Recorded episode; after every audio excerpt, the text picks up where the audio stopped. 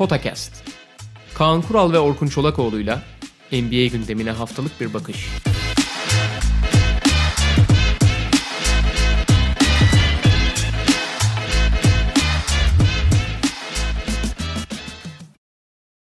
Merhaba, Podcast'a hoş geldiniz. Kaan Kural'la birlikteyiz. Haftanın NBA gündemini konuşuyoruz. Önemli gelişmeler var tabii saha içinde ve saha dışında.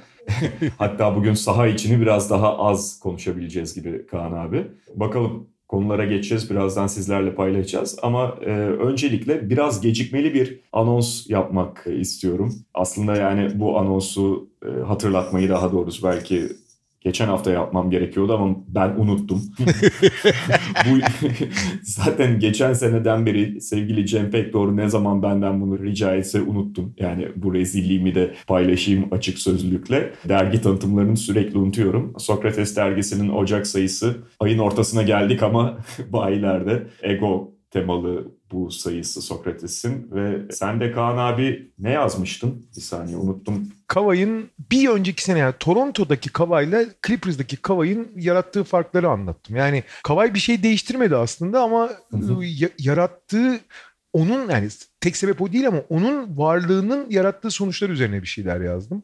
Hı hı. Hani Toronto'da nasıl büyük bir başarı olmuşken Clippers'da nasıl büyük bir başarısı oldu. Kaldı ki hani görece olarak Clippers'daki Kavay Toronto'daki Kavay'dan daha iyi bir Kavay'dı bireysel olarak ama sonuçlar çok daha farklı oldu. Evet, güzel bir konu ve bunun yanında çok ilgi çekici röportajlar var. Bogdan Tanyeviç röportajı var Uğur Ozan Sulak'ın. Christoph Daum röportajı, Yavuz Turgul röportajı yine dikkat çekiyor. Her zaman olduğu gibi ilginç konular. Bu hatırlatmamızı yapalım. Ocak sayısı e, ego temalı Ocak sayısı Sokrates'in bayilerde ve herhalde hem Cem hem İnan hem Caner hem Canöz senin yapacağın hatırlatmaya diye şu anda dinledilerse içlerinden saydırıyorlardı.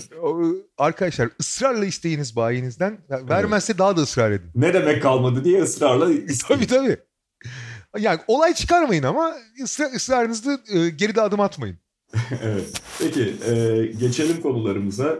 Geçelim. Maalesef yani geride kalan birkaç gün hem e, bazı arıza karakterlerin hem de onun ötesinde tabii artan Covid vakalarının basketbolun önüne çıktığı birkaç gün oldu NBA gündeminde. E, çok fazla ertelenen maç var ve yani sırayla da geliyor işte Boston Celtics'in yaşadığı durum, Miami Heat, Philadelphia, Boston'ın üst üste 3 maçı ertelenmiş oldu.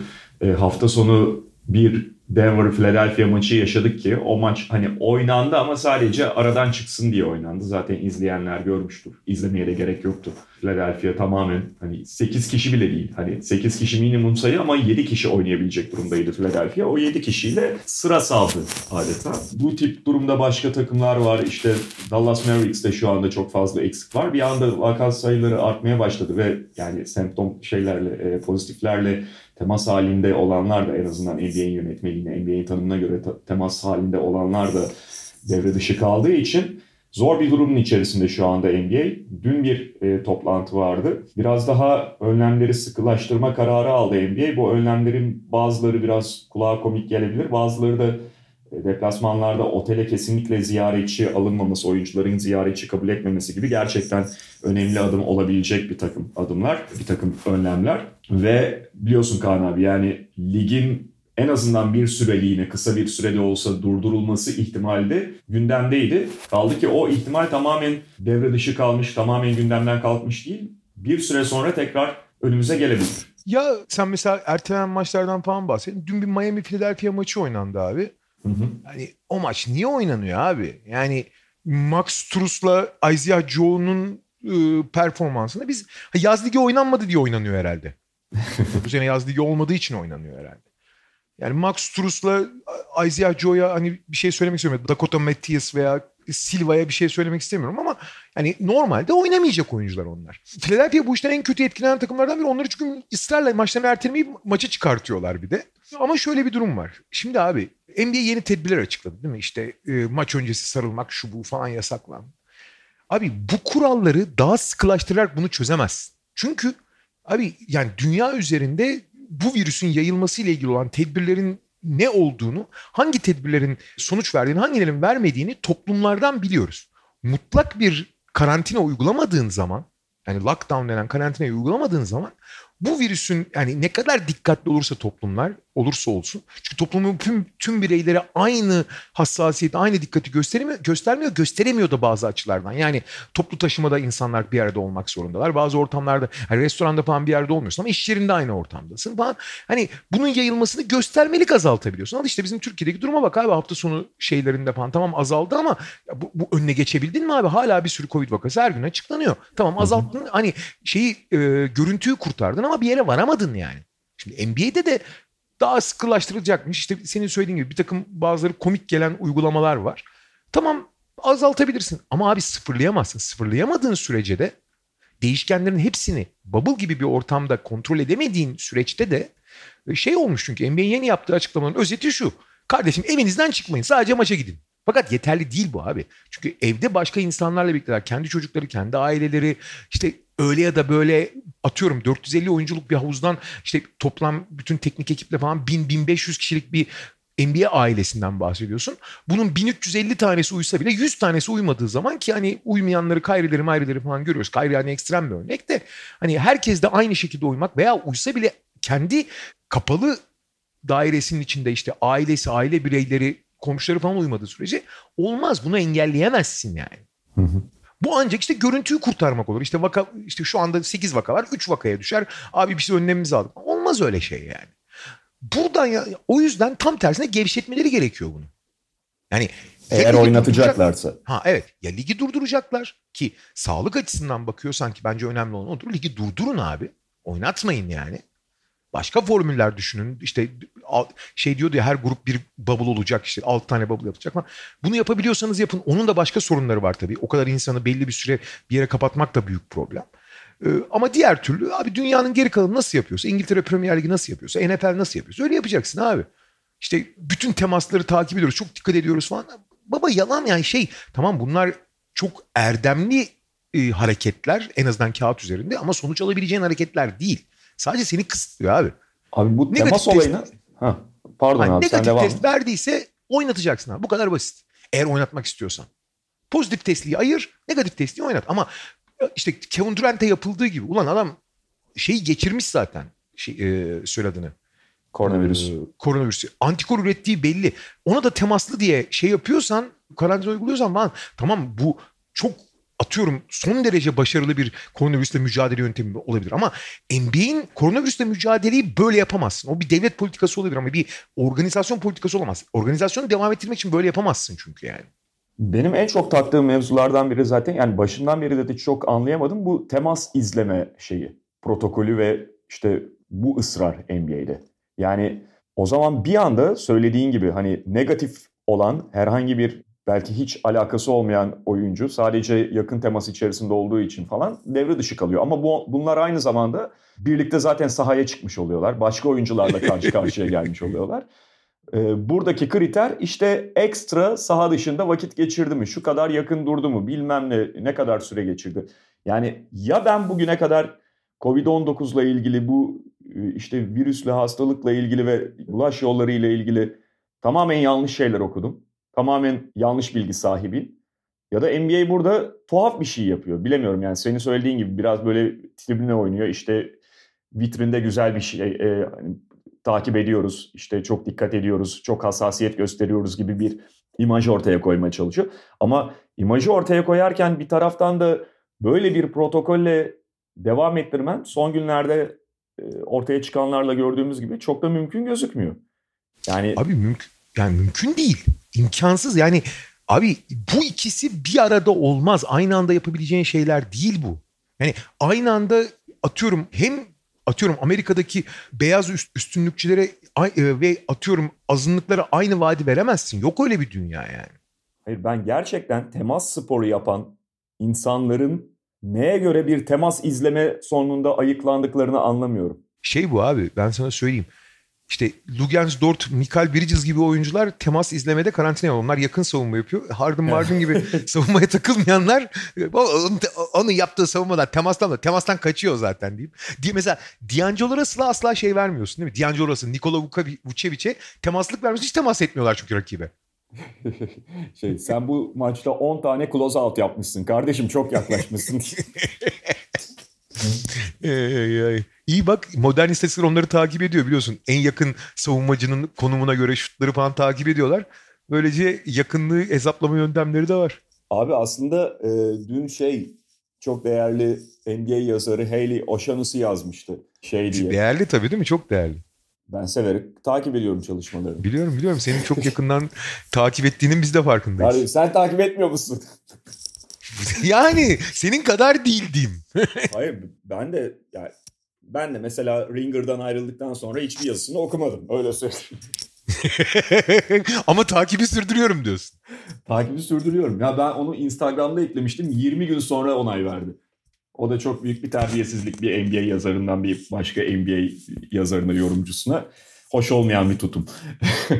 ee, ya bunun nasıl görüneceğine, dışarıya nasıl görüneceğine biraz şey yap, rahatsız olmuş olabilir. Ha, estağfurullah canım yani meslektaştan meslektaş. O hani bu kadar data döneminde nasıl bu izleme kotarılıyor ya da kotarılamıyor gibi bir şey yazmıştı ki hakikaten yani izleyecekseniz bari onun üzerinden eğer bir şey e, protokole sokulacaksa oyuncular bari o datalar üzerinden sokulsaydı. O da garip de. Hakikaten acayip ve e, bu yeni önlemlerden de tamam şeyi anlıyorum.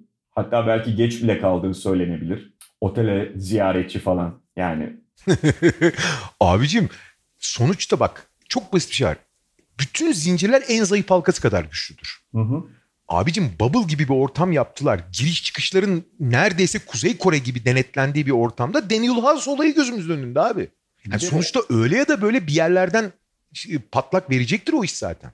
Bir de bu otele ziyaretçiyi e, o kadar ucu açık bıraktılar ki yani hani güya orada bir tanımlama var ama aslında şey tamam abi getireceğinizi getirin ve kılıfına uydurun gibi bir açık kapıda bırakılmış durumda NBA oyuncularına. Hatta işte yöneticiler bu dünkü kararlar açıklandıktan sonra oh be kardeşim yani orası tamamen zaten açık verdiğimiz su, su aldığımız noktalardan biriydi yorumunda bulunmuşlar. Haklı olarak. Ha, bu her şeyi kesmeyecek ama yani fırtınada açık bırakılan kapı gibiydi otele ziyaretçi hadisesi. Ama kapatılamayacak bir kapıdan bahsediyoruz. Neyse bunun yalnız şöyle bir sonucu oluyor abi.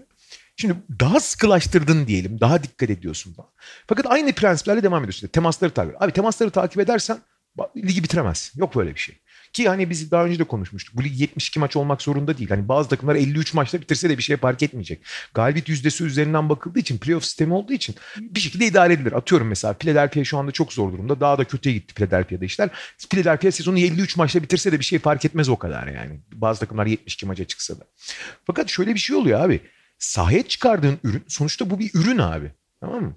Bu arada tekrar ediyorum. Bu tedbirler olmasın demiyorum ama bu tedbirler bir işe yaramayacak. Daha doğrusu amaca hizmet etmiyor. Amaç ligi oynatmaksa hizmet etmiyor bu. Hani amaç sağlığı korumazsa ona da hizmet etmiyor. İkisini de hizmet etmeyen bir saçma sapan bir düzen var yani. İkisini de hizmet edecek bir sistem yapacaksan başka bir şey yapman lazım. Şimdi fakat şöyle bir sonuca yol açıyor. Şimdi sonuçta pandemi ortamı var. Seyirci meyirci yok. Herkes de durumu anlıyor. Durumun farkındayız falan. Fakat abi ortaya çıkan tabloya bakıyorsun. Abi dünkü Philadelphia Miami maçını izlerken abi senin sonuçta sen alıştığın bir standart var tamam mı? NBA'den bir beklentin var. NBA'in sana bir taahhüdü var. NBA'in taahhüdü sana en üst düzey organizasyonda en iyi basketbolcuların bir şeyini, basketbol gösterisini sunması. Abi o, o sana verdiği taahhüdü tutamıyor. Tamam sen pandemi şartlarından dolayı bunu anlıyorsun. Fakat yavaş yavaş rahatsız olmaya başlıyorsun abi. Ya bu şey gibi yani sen hatırlıyorsun zamanında çok seviyorduk Mano Burger'i. Abi zaman içinde hani belli şartlardan dolayı işte e abi burası da eski burası da çok bozdu diyorsun yani. Ki sonra kapandı. Ne olursa, evet, kapandı sonra da yani. Hani şimdi NBA için biraz ekstrem bir örnek oldu ama öyle abi. Yani çok tatsız bir görüntü ortaya çıkıyor abi. Sonra beklediğin maç erteleniyor gene bir hayal kırıklığı. Hadi ertelendi anlıyorsun koşulları. Ama abi dünkü Miami Philadelphia maçını izlediğim zaman ya da bir takımda işte atıyorum Boston Celtics'i izlemeye çalışıyorsun. Boston Celtics maçları ertelendi ama ulan mesela diyelim ki önlem alınmadı. Tatum, sadece Tatum oynamıyor. Ama abi şey değil. E, bir adalet durumunu çok zedeliyor bu. Adalet anlayışını. Yani iki takım aynı şartlarda mücadele etmiyor falan. Bir taraftan da çıkan ürün istediğin ürün değil. Beklediğin ürün sana taahhüt edilen ürün değil yani. Ve bunun yanında mesela şimdi işte sabah şut idmanları falan da hani kaldırılsın durumu vardı. Oraya testler gelsin işte emin olunsun ondan sonra bir araya geleceklerse gelsinler falan. Ama zaten sıkıştırılmıştı e, fikstürde takımlar idman yapmakta zorlanıyorlar. E, idman yapamama ürünü etkiliyor, oyunu etkiliyor. Sen bir de bunları da engellediğinde resmen şey evinde otelinde kal ve ondan sonra maça gel gibi bir şey dayatıyorsun oyunculara neredeyse. E, onun da sahada bir yansıması oluyor abi. Bunlar, bu video oyunu değil çünkü. Aynen öyle. Bakalım ne olacak gidişat. Yani bu ligi öyle ya da böyle devam ettirecekler orası kesin. Belki ligin son bölümünü kuralları geçecekler. Ligin son bölümünü geçen seneki gibi işte son işte 8'er maçlık bir sıralama maçlarıyla birlikte bir bubble'la birlikte bitirebilirler. Bir şeyler yapacaklar. Bu ligi bitirecekler bir şekilde. Ama şu anki gidişatta şey bunu kolay kılan bir yöntem seçmemiş durumdalar. Bunu zorlaştıran bir yöntemle gidiyorlar şu ana kadar. Evet kesinlikle. Peki buradan da yine doğrudan basketbol sahasına değil ama biraz magazin tarafına e, gidelim. Kyrie Irving ve James Harden'la ilgili konuşacağız. Öncelikle Kyrie Irving e, geçen haftadan beri takımdan uzak. Kyrie Irving öncelikle kişisel sebeplerden ötürü takımdan uzak olduğu söylendi. İşte e, öyle ama. E, tabii tabii. Ben biraz hani başından alıyorum. Şimdi hatırlayacaksın ilk geceyi. Ne oldu lan falan diye böyle bakıyorduk. Hani kişisel sebepler dediğin zaman bu aile içerisinde bir ölüm olabilir, bir hastalık olabilir, gerçekten ciddi bir mevzu, mevzu da olabilir. Ve Kyrie Irving gibi şüpheli bir karakter de işin içinde olsa yine de insan tabii ki temkinli yaklaşıyor ve hani umarım ciddi bir şey değildir diye düşünüyor. Sonra Steve Nash bir açıklama yaptı o gün içerisinde maça girmeden.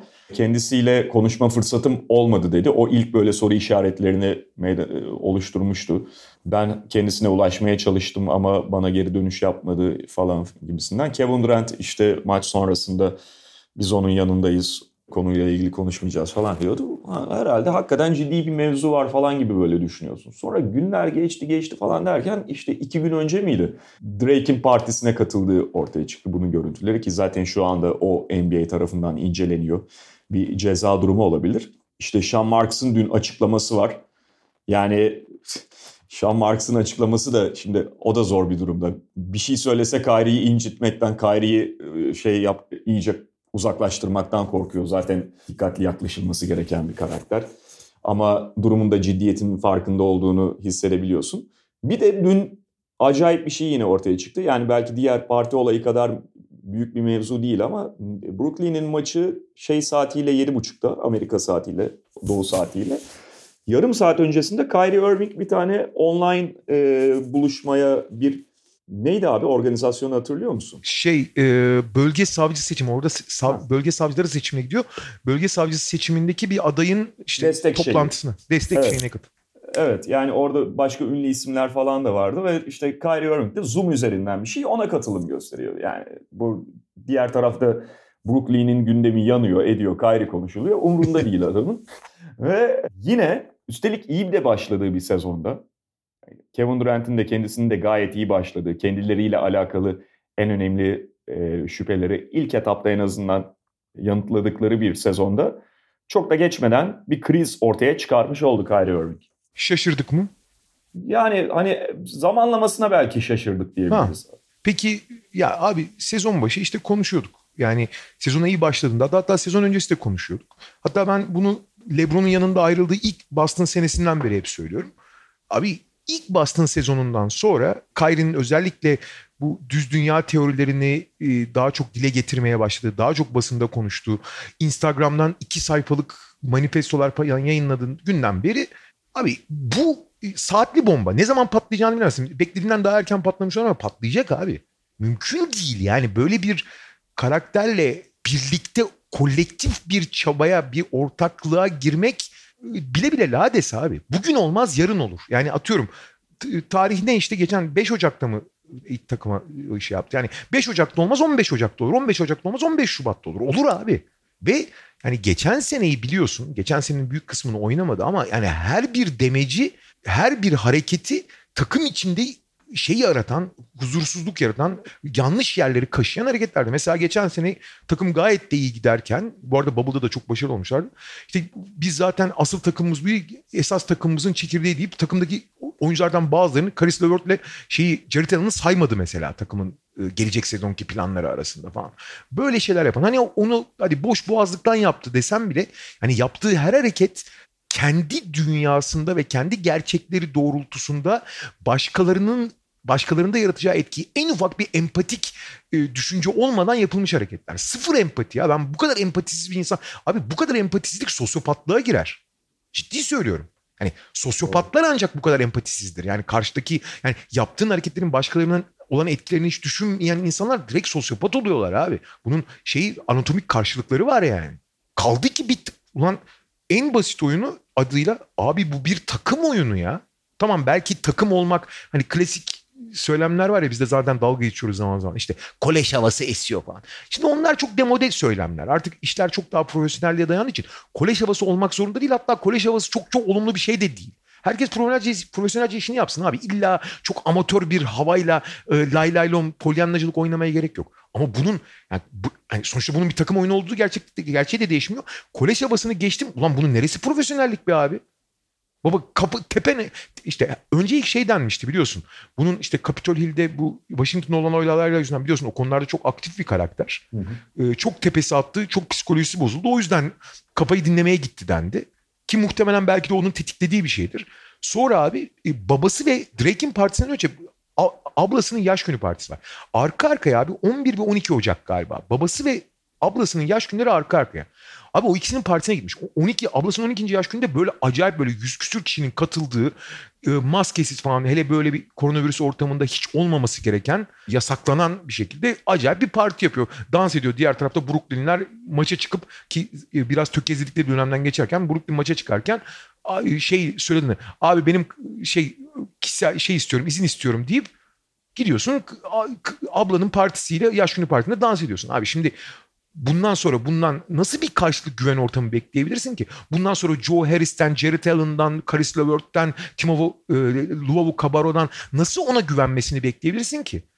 İşler zora girdiği zaman. Çünkü abi Basketbol dediğin şey rekabet tamam mı? Bir şekilde bir savaş simülasyonu aslında.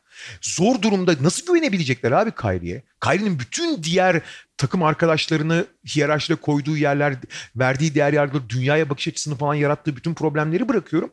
Onlarla aynı cephede savaştığını bile göstermiyor artık. Eskiden en azından aynı cephede savaştığını düşünüyorsun, düşünüyordun. Şimdi aynı cephede savaştığına da bile emin değilsin. Kayri kendi bir hayatını yaşıyor. Senden çok bağımsız abi. Kafasına göre bugün gelirim, yarın gelmem. Bugün 30 top atarım, yarın 20 top atarım. Yarın sahada olup olmayacağını bile bilmiyorsun yani. Umurunda değil adamın. Umurunda değil ve bu ayrılıktan önce yani işte kişisel sebepler öne sürerek takımdan takımın o sıradaki maçına katılmadı. Philadelphia maçıydı değil mi? İlk maç tabii. Perşembe günü.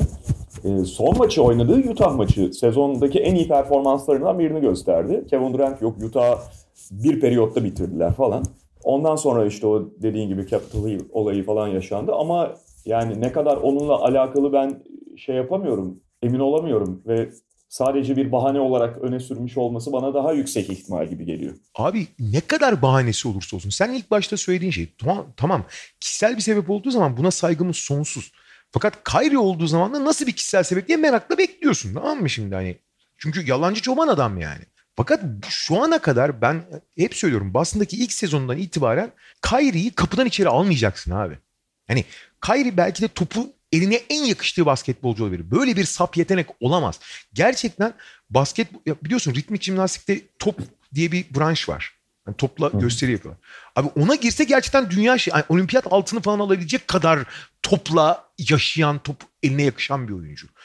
Sezona da muhteşem girdi. Sezonun en iyi oyuncularından biri olarak girdi.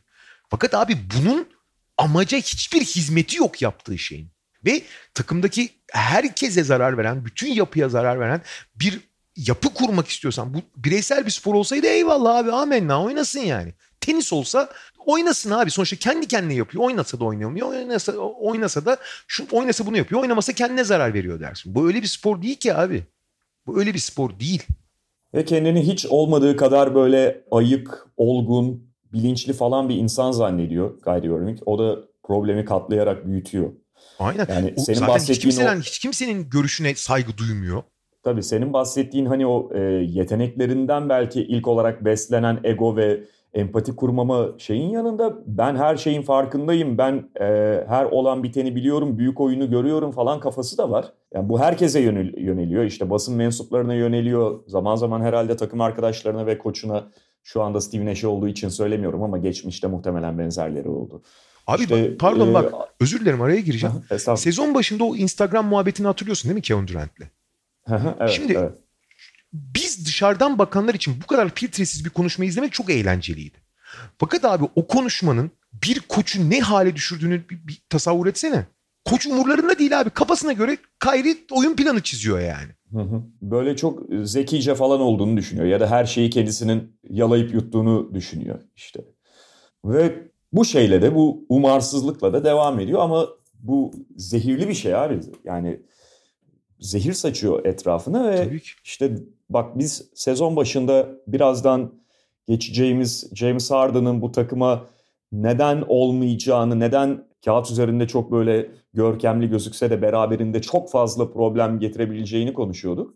Abi daha Harden'a gelmeden ortada Harden yokken Kyrie tek başına zaten yine bir şey yarattı. Zehirli ortam yarattı. Daha sezonun bir ayı da olmadı. Ve yani bir de sarılacak bir yara değil bu abi. Yani zaten bile bile Lades'te onu ben başından beri söylüyorum. Yani gittiği her durakta söylüyorum. Bu yani tedavi edebileceğin bir problem değil. Bununla baş edemezsin. Onu o almayacaksın abi. Ondan yani klasik tabirle abi ondan gelecek hayır Allah'tan gelsin yani. Ve hani Kevin Durant de sonuçta zor bir karakter.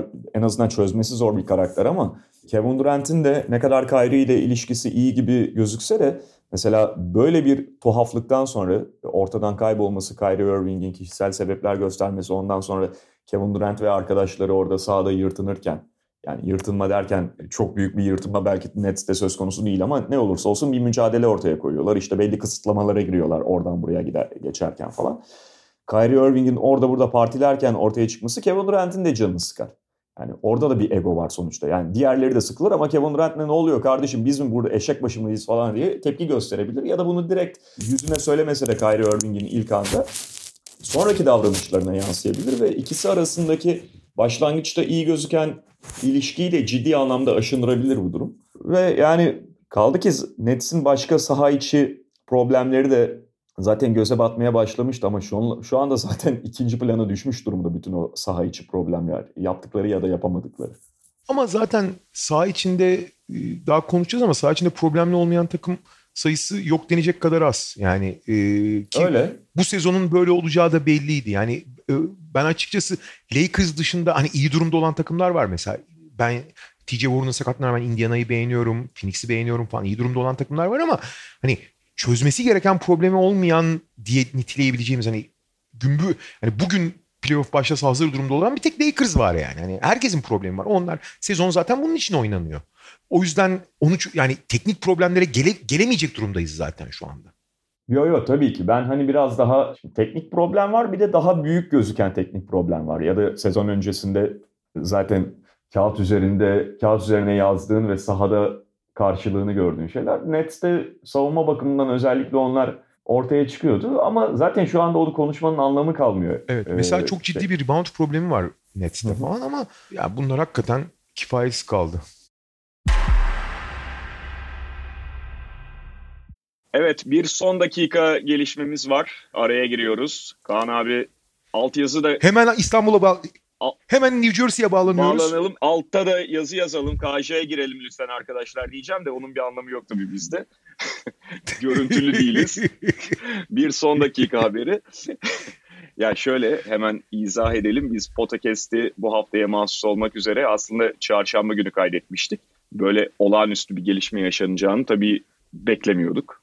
Ama işte konularımızda zaten biraz Covid protokolü ve Kyrie Irving'in antikalıkları, James Harden durumu olduğu için hani son gün maçlarının da aktüeliteyi değiştireceğini hiç ummamıştık. Sonra hatta bir anda Harden'la ilgili takas çalışmalarının tekrar hızlandığı haberleri geldi. Sevgili Cem Pekdoğru ile konuşurken benim müthiş bir öngörüm var. Podcast WhatsApp grubunda paylaştım. Bir günde olmaz abi o iş. Bence iki gün alır falan diye. Sonra bir nevi tölcör yerine tökös ölmez. Üzülmez. şey ya da bu o, o tip şeyleri daha çok şu efektle yapıyorlar ya. Bir günde tıkısılmaz bir falan diye. Aynen o hale geldi abi. Her neyse kucağımıza takası bıraktılar. Hatta sadece yani iki takımlı bir takas da değil. Dahil olanlar var. Ya ama aynen. Şöyle bu muhtemelen bayağı bir süredir konuşulan. Zaten yani sezon başında biliniyordu Harden'ın hani takas istediği. Bu muhtemelen bol bol konuşulmuş. Bir yerde tıkanmış hani bakarız önümüzdeki hafta bakarız falan dendikten sonra yani Harden'ın son ultimatumundan sonra abi olacak gibi değil deyip tetiğin çekildiği bir senaryo. Yoksa bir günde olacak iş değil hakikaten. Aynen. Hatta şu da var abi. Onu da söyleyelim şimdi takasları değerlendirmeye geçmeden. Bugün Amerika'ya göre erken saatlerde işte Houston'a göre sabah saatlerinde yapılan idmanın ardından Houston'lı oyunculardan DeMarcus Cousins çok ağır ifadeler kullandı Harden'la alakalı olarak. Hatta Harden'da da sen direkt gelme bugün demişler. Harden bugün idmana Houston'ın da bilgisi ve belki isteği doğrultusunda katılmamış Houston idmanına. E, Dün John Wall'un zaten iğneleyen sözleri vardı biraz. Biz bu yamadan önce kaydettiğimiz bölümde ondan da bahsettik. DeMarcus Cousins direkt bu saygısızlık ve bu sadece dün başlayan bir durum da değil. Çok öncesinden gelen bir saygısızlık diye Harden'a zaten tepkisini göstermişti. Ve DeMarcus Cousins'ı da bildiğimiz için hani sen buraya gelirsen ben zaten seni pataklayacağım gibi bir alt metninde var o açıklamasın. Bu arada iş ahlakı, takımdaşlık konusunda Demarcus Cousins'dan e, fırça yemek de nasıl bir seviye be abi? Aynen abi. o da güzel bir apolet. Neyse Harden istediğini Aynen. aldı. Takas gerçekleşti. Şimdi bu sadece tabii Brooklyn ve Houston arasında gerçekleşen bir takas değil. Bir tarafına Cleveland dahil oldu. Daha sonra Houston'la Indiana arasında yapılan bir takas var. Hepsini değerlendireceğiz. Nasıl başlamak istersin? Valla şimdi takasın ana parçası ve en önemli parçası. Şimdi takaslar nedir abi? Genelde kısa vadeli ve uzun vadeli sonuçları vardır. Takımlar kısa vadeli ve uzun vadeli hedefler doğrultusunda takası var. Genelde böyle yıldız değiştiğini çok görmüyoruz. Yani işte aynı vadede hedefler olan takımlar genelde takas yapmıyorlar son yıllarda. Hani bunun en son örneği galiba Steve Francis takasıydı. Hani kısa vadeli hedefler doğrultusunda yapılan üst düzey oyuncu takası. Ya şöyle bu takasın en büyük parçası kim? Harden. Harden'ı kim aldı? Nets. Nets açısından en önemli şey.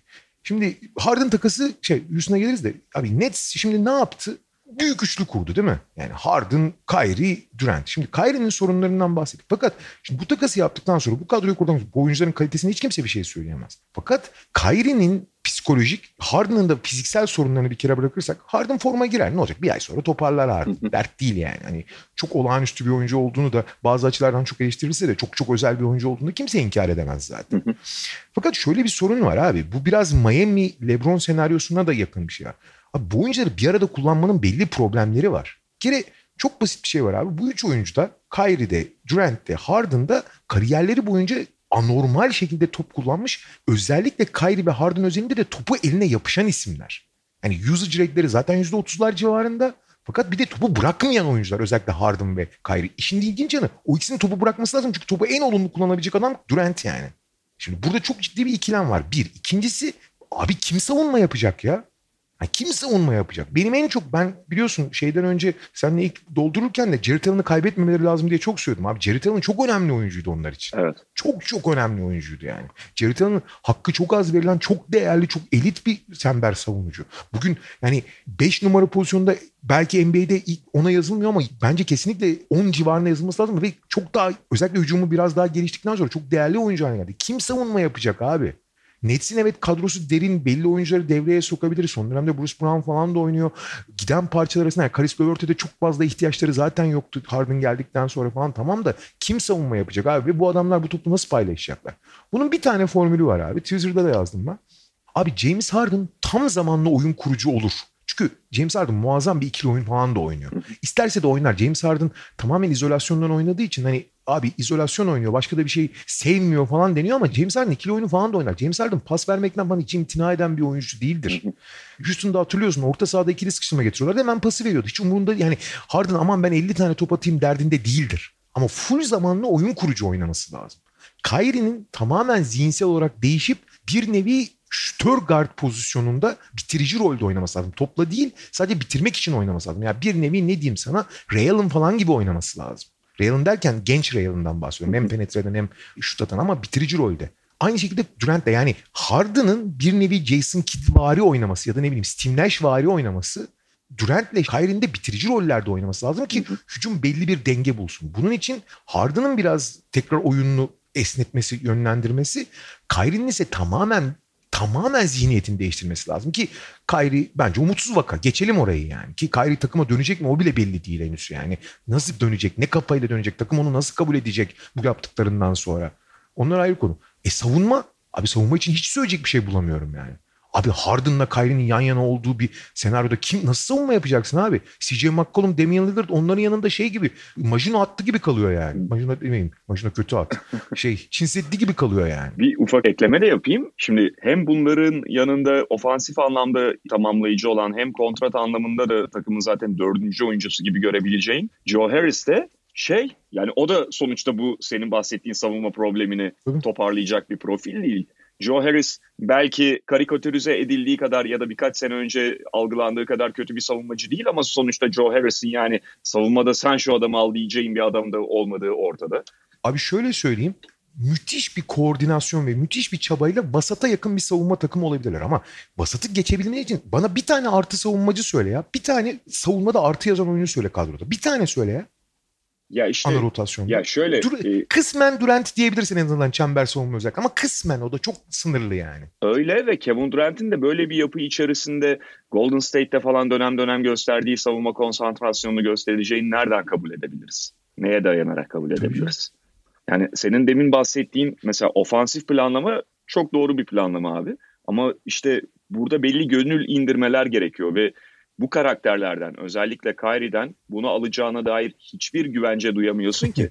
Hani senle ben şey zamanında senin Beşiktaş'taki evde olduğu gibi PlayStation'ın başına oturuyor olsak ve işte hani sen şöyle oyna Kyrie'yi şöyle kullanalım falan gibi bir plan yapıyor olsak Nets'i de takımımız olarak seçtiğimizde tamam orada bir problem yok. Teknik olarak bunları yapabilecek özelliklere sahip oyuncular ama gerçek hayatta egoları konuşmalıyız. Özellikle bu egolar söz konusuyken. Şimdi bizim dün kaydettiğimiz bölümde Kyrie Irving'i ve onun arızalıklarını konuştuk. Bir 15 dakika falan.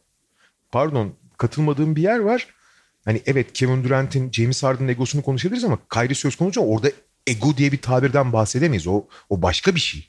Doğru O- orada o ra- bir, hani rahatsızlık men- diye belki Tabii ifade tabii o, o etmemiz bir gerekiyor. mental rahatsızlık yani. O ego ile falan alakalı değil. O mental rahatsızlık abi. O bambaşka bir şey yani. O psikiyatristlerin şeyine giren, literatürüne giren bir durum onunki. Ve orada da çok ufak bahsetmiştim. Yani Harden eğer Brooklyn'e gelirse ben Kyrie'nin bir kere hiç mutlu olacağını düşünmüyorum diye. Hani madem gerçekleşti bir kez daha tekrarlayayım. Kyrie Irving'in yani uzun vade bile demeyeceğim. iki günden fazla böyle huzursuzluk yaratmayacak şekilde ya da dışarıya çok negatif enerji vermeyecek, pasif agresif tavırlara girmeyecek şekilde idare edilebileceğini hiç zannetmiyorum abi. Sürekli bir negatif elektrik yayacaktır bir kere etrafına bu saatten sonra. Zaten Bir böyle bir olayla gündeme geldi. dönecek, Ha dönecek mi Aynen, noktası? Dönecek mi? Dönse takım onunla nasıl bir iletişim kuracak falan. Bunların hepsi... Abi Steve Nash'in ilk koştuk deneyimi nasıl nereye düştün be abi? Yani Doğru, doğru. Yani ama Kyrie'de çalışmaya karar verdiğin günde zaten belliydi yani. Diğer bütün faktörler ekstra. ya Takasın diğer ayakları için e, ha, pardon. Steve Nash için şunu söyleyeceğim. Tabii ki hani her insanın belli olaylara bakışı farklı olabilir. Steve Nash çok şey görmüş geçirmiş bir koç değil belki ama bir oyuncu, bir sporcu ve belki de ilgi çekici bir challenge olarak görüyor bunu bilemiyoruz. Ama bir taraftan da hani ben tünelin bu ucu bombok bir yere çıktı hissiyatı içinde olduğunu da düşünüyorum. e, Evet, takasın yani diye şu haliyle şu haliyle bu takım çok eğlenceli. Bazı açılardan bazı maçlarda çok tehlikeli olur ama ben ciddi bir şampiyonluk adayı olarak görmüyorum onları. Ben de ben de yani çok ciddi şüphelerle bakıyorum. Çünkü bu sadece hani basketbolda yetenekleri bir araya getirerek bir şeyleri kazanamadığınızı çok örnekte gördük ve bu benim gördüğüm en kimya açısından sorunlu birlikteliklerden bir tanesi. Kesinlikle. Diğer taraflarına bakalım abi. Cleveland gerçekten sen hani Jared Allen'ın Nets açısından öneminden bahsettin ve Cleveland arada onu ele geçirdi. Tabii bazı draft hakları vermek durumunda kaldılar ama Jared Allen Cleveland gibi zaten yolun başında ve yeniden yapılanmaya çalışan bir takım için uzun vadede çok değerli bir parça olabilir. Şu anda belki Andre Drummond'la aynı pozisyona gelmiş gibi gözüküyor ama Drummond'ın kontratının son yılında bir oyuncu olduğunu unutmayalım. Valla ben bu işten en karlı Cleveland çıktı diyorum. Bu sezon için değil senin de söylediğin gibi Drummond olduğu için muhtemelen Jared Allen'ın dakikalarını da azaltacaklar. Drummond kontrat sezonu diye oynasın. Zaten bu sene amaç da yok. Ama bu işten bütün bu senaryodan en karlı çıkan bence Cleveland.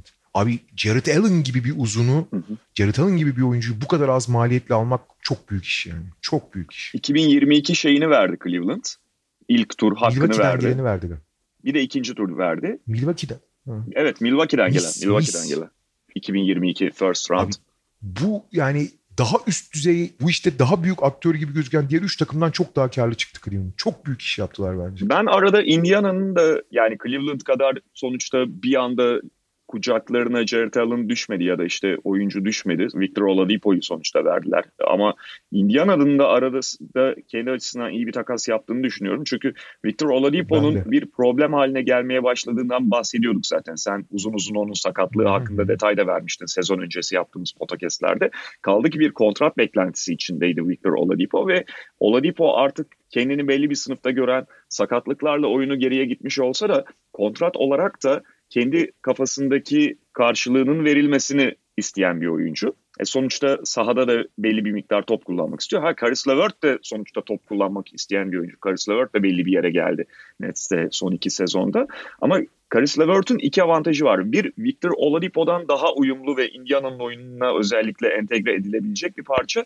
İkincisi kendi sınıfındaki oyuncular içerisinde NBA'de en elverişli kontratlardan birine sahip şu anda. Bu sezondan sonra Ay, 2 yıl için 18'er milyon dolarlık 2 yıllık daha kontratı var ve çok elverişli bir kontrat o da. aynen çok haklısın abi. Oladipo'nun kontratı bitiyordu ve zaten bu kontrat görüşmeleri oldukça tatsız sürmüştü. Yani Indiana'nın onu hani Oladipo geçen seneye oranla çok daha iyi gözüküyordu bu sene. Şimdi onu söylemek lazım oyuncu olarak. Hı hı. Ama Indiana ile devam etme ihtimali hem mali açıdan hem ilişki açısından çok kolay gözükmüyordu. Çok doğru bir değişiklik yaptılar. Üstüne üstlük Indiana'nın en büyük sorunu deliciydi. Oladipo gidince hiç delicileri kalmıyordu ama Karis LeVert acayip delerek oynayan bir oyuncu. O açıdan teknik açıdan da çok uygun onlara. Hem mali açıdan hem teknik açıdan da çok uygun. Bence onlar da çok iyi bir iş yaptılar. Yani Oladipo Karis LeVert kıyaslamasını yapmak istemiyorum. Oladipo iyi gözükürken Karis LeVert'in bir tık üstünde olabilir. Ama hem orta vadede hem Oladipo'nun devamlılık sorunları hem takım içi dinamikleri düşününce bence de çok iyi iş yaptı onlar. Hı hı. Bir de tabii Houston tarafı var. Yani onlar da burada Oladipo'yu Onlar- aldılar ama esas kazançları ne kadar kazanca dönüşeceğini elbette ilerleyen yıllarda göreceğiz ama biriktirdikleri draft hakları oldu. Ama onlar mecburdu abi. Elleri mecburdu. Yani o yüzden zaten bu olaylar olur olmaz bir günde yaptılar takası. Yani herkes tabii şeyle kıyaslıyor. Son dönemde büyük takas, işte Anthony Davis senaryosu. Anthony Davis'e çok benzer bir senaryo var. Anthony Davis gibi bir karşılık aldılar mı? Abi şöyle yani bir de partnerin olması lazım. Lakers gibi bir partner bulursan ve elindeki kaynakları vermeye hazır bir partner bulursan alırsın. Nets de elindeki kaynakları vermeye hazırdı. Bu kadar kaynak çıktı yani. O yüzden bence yapabilecekleri bu şartlar altında, ligin bu durumu altında çok olabilecekleri en iyi şeyi aldılar. E Oladipo gibi kontratının son senesinde bir oyuncu oldular. E Oladipo istedikleri gibi yani bu sezona iyi girmişti. Gerçekten eski standartını bulursa ona yeni kontrat verip devam da edebilirler. Veya sezon sonunda vazgeçip tamamen yeniden yapılanmaya dönebilirler. Muhtemelen şimdi ellerindeki bazı oyuncuları da elden çıkaracaklar bence. PJ Tucker falan gibi. PJ Tucker için herkes peşinde zaten şu anda. Ama yani Houston'da yapabileceği yegane şeyi yaptı. Çok iyi mi? Değil. Tabii ki Anthony Davis takası kadar avantajlı olmadılar ama abi şu şartlarda öyle bir takas senaryosu da yoktu ki ortada zaten. Anthony Davis karşında alınan paket gibi bir paket ortada yoktu ki zaten. Şu haber var. En, Ben o takasta Jared Allen'ı alabilseler çok iyi olacaktı bence onlar için. Bence de, bence de. Ve şu haber düştü en son olarak yani onu görmüştüm. Philadelphia'dan Ben Simmons üstü Tyrese Maxey üstü Matisse Thybulle üstü buna benzer draft hakları istemişler. Muhtemelen de Daryl Morey o kadar da olmaz demiştir. Gerçi hani Ben Simmons'ı nasıl değerlendirdiklerini bilmediğimiz kısmına değinmiştim dünkü kaydettiğimiz bölümde ama o kadar fazla şey istedilerse de işte Morey kabul etmemiş olabilir ve belki de işte Brooklyn'in paketine böyle bir pakete mecbur kaldı Houston Rockets. Yapabileceklerini yaptılar ama ben bu takasta yani Brooklyn vermeye hazırken Jared Allen'ı elden kaybetmelerinin de tek büyük hataları olduğunu düşünüyorum şahsen. Peki bu son dakika bölümümüzün sonuna geldik o zaman. Bir gelişme olduğu takdirde tekrar bağlantılarımızla karşınızda olacağız. Potacast Normal gelişmeleri akışıyla- kaçırmıyor. Normal akışıyla devam ediyor.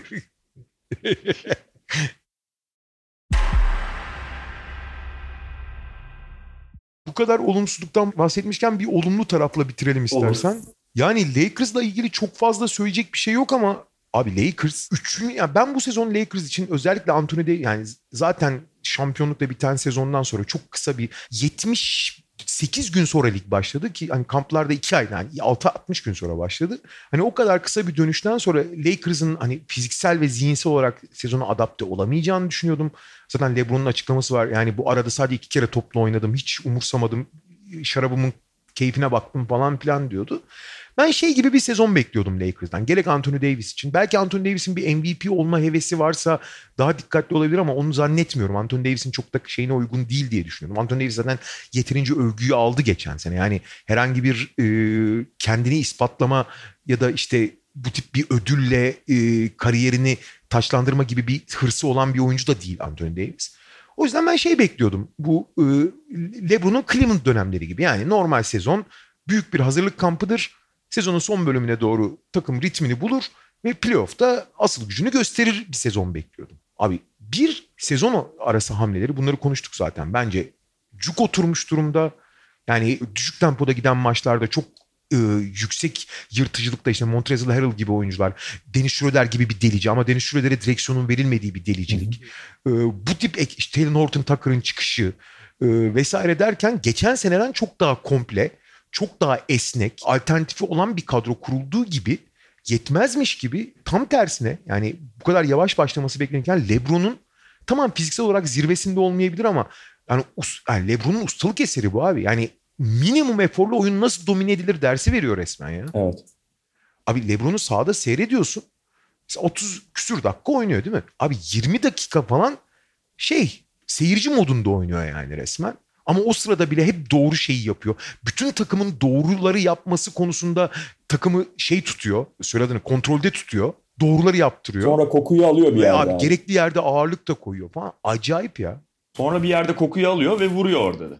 Yani bu Tabii, tabii. ilk periyot oluyor. Ve- İkinci ilk periyot hani biraz daha erken de iki- dün mesela ikinci periyotta bir zaten kopmayı gördü. Şöyle bir 3 dakika falan ağırlık koydu. Artık Houston kalkamayacak hale geldi oradan sonra. İşte Memphis maçında çok kısa bir süre 10 dakika falan kendini verdi maça. Yetti zaten. Memphis'e de yetiyor zaten. Hani fikstürü de avantajlı Lakers'ın. Onu söylemek lazım sezon başı itibariyle ama abi Lakers şu anda kesinlikle performans zirvesinde değil ama o kadar komple, o kadar hazır ve o kadar doğru bir a- anlayışla geliyor ki yani LeBron'un fazla kendisini zorlamadan ama takım arkadaşlarına özellikle yeni katılan takım arkadaşlar. Sonuçta bu takım şampiyon takım ama şampiyon bir takım olarak büyük oranda olmasa ama küçük oranda bir kimlik değiştirmiş takım. Yani belli çok kritik parçalar değişmiş bir takım bu. Fakat bu yeni gelen parçaların da eski parçalarla birlikte uyum sağlayıp doğru yöne yönelmesini sağlıyor. E burada Mark Gasol'ün o pas trafiğine katkı vermesi işleri biraz daha da kolaylaştırıyor falan derken abi Lakers için yani gerçekten bütün herkesten en az bir seviye yukarıdalar ki en iyi halleri olmamasına rağmen. En en iyi Lakers değil ama en doğru oynayan Lakers bu ya. Yani e, o transferlerin yaptıkları transferlerin hücum yönünün biraz daha ileriye götüreceği zaten bekleniyordu ki sahada da bunu görüyoruz.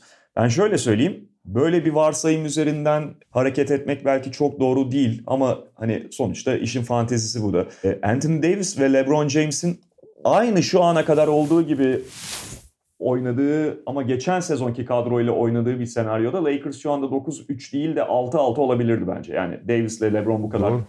ancak sadece bu kadar uğraşsalar, bu kadar kendilerini zorlasalar, bir adım fazlasını yapmasalar geçen sezonki kadroyla Lakers şu fikstürde dahi oynadığı 12 maçta 3 galibiyet değil belki 2-3 galip şey 3 yenilgi değil 2-3 yenilgi da- daha fazla almış olabilirdi. Ama bu sezon Schroeder'iyle, Harrell'ıyla şey Marc Gasol'ün zaman zaman Marc Gasol'ün sonuçta yaptığı katkı çok istatistiklere yansımıyor ama izlediğinde daha net görebiliyorsun. Ya da hatta e, dakikalarını artıran Taylor Horton Tucker'la falan Lakers çok daha seçeneklerini fazlalaştırmış bir takım konumunda.